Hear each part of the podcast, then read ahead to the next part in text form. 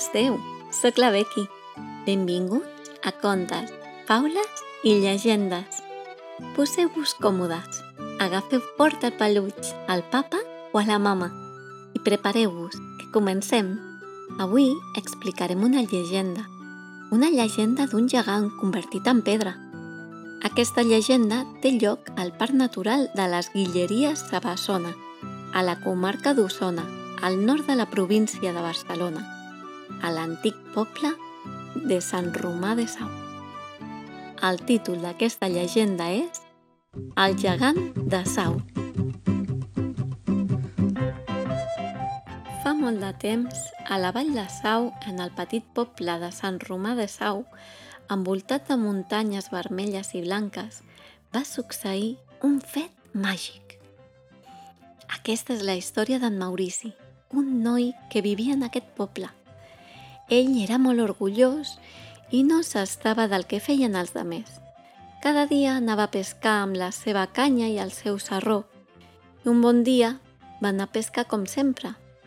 Però aquell dia va anar a un lloc que mai anava ningú, pensant que així segur que ningú li molestaria ni espantaria els peixos.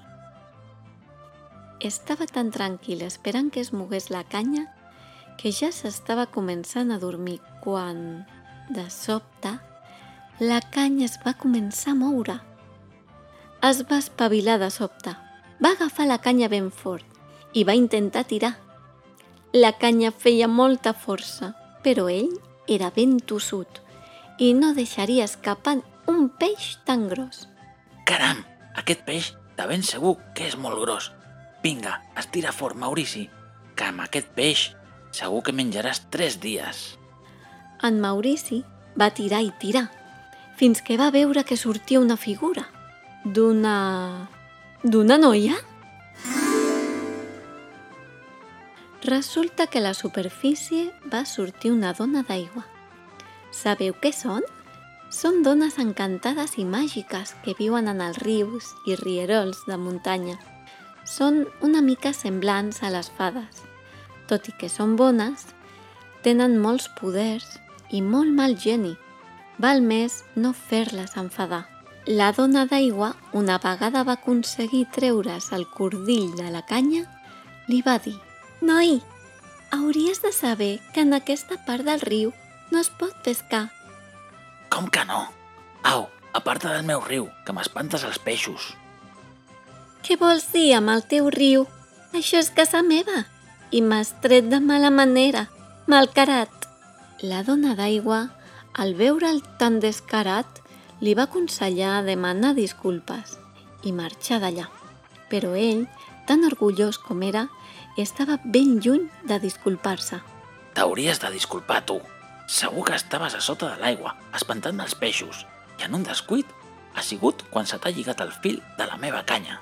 Bé, noi, ara et transformaràs en un gegant i així romandràs fins que t'adormis.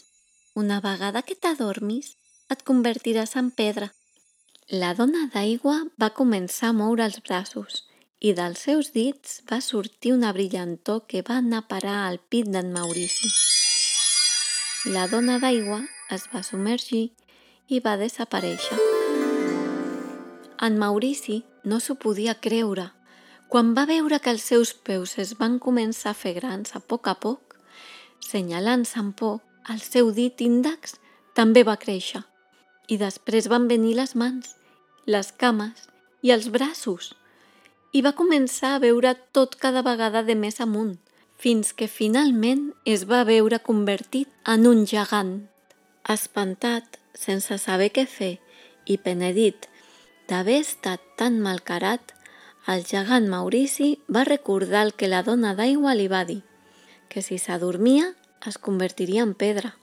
Llavors va decidir estar sempre distret, així que va començar ajudant a la gent del poble.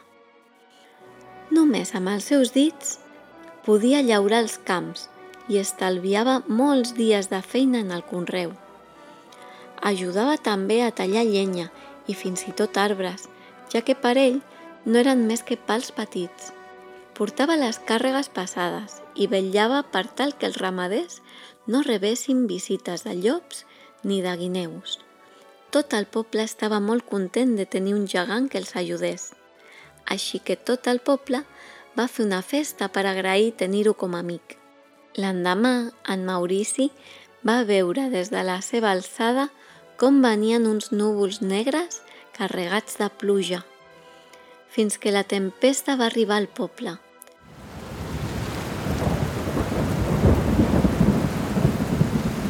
Plovia i plovia, tant que, com que el poble estava en una vall, va començar a inundar-se.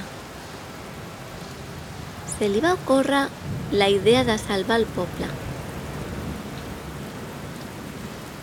Va demanar a la gent que es posés a la seva mà i els va deixar a dalt de la muntanya, on estarien a resguard. Quan va acabar amb tota la gent, va començar a agafar les cases, una a una, i també les va pujar cap allà. Aquestes cases es van convertir en el nou Sant Romà de Sau. El pobre Maurici estava esgotat. Quan va acabar amb totes les cases i només quedava l'església, va decidir descansar un moment. Estava tan cansat que es va estirar i al tancar els ulls es va tancar l'encanteri que la dona d'aigua li havia fet.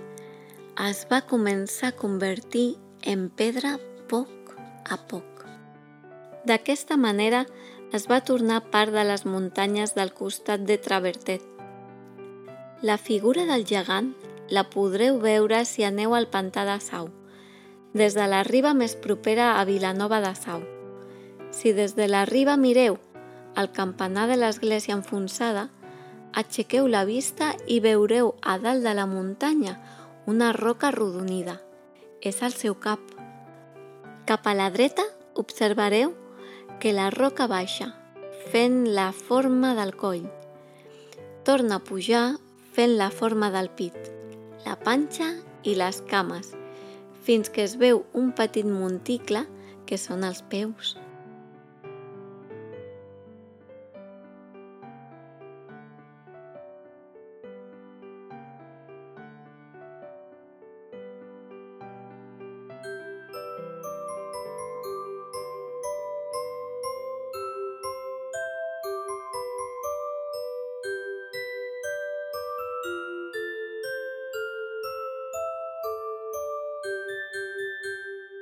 D'aquesta llegenda podem aprendre que cal respectar la natura sempre. La terra i la natura ens cuiden d'una manera silenciosa. Si no la respectem, els únics que sortiran perjudicats serem nosaltres. En Maurici no va respectar les normes de la natura i tot i que va fer el possible per fer-ho bé després, ja era tard. Aquesta ha estat la nostra llegenda d'avui. Esperem que us hagi agradat molt. Si voleu que expliquem algun conte o llegenda de la zona d'on vius, ens podeu escriure i farem el possible per explicar-ho ben aviat. Ens posarem també molt contents si us subscriviu a aquest podcast. Així us podrem avisar quan fem un altre. I no oblideu compartir-ho si us ha agradat. Us esperem als nostres perfils d'Instagram i Twitter que teniu a la descripció. Ens trobem en un altre conte i, com sempre, seguiu somiant.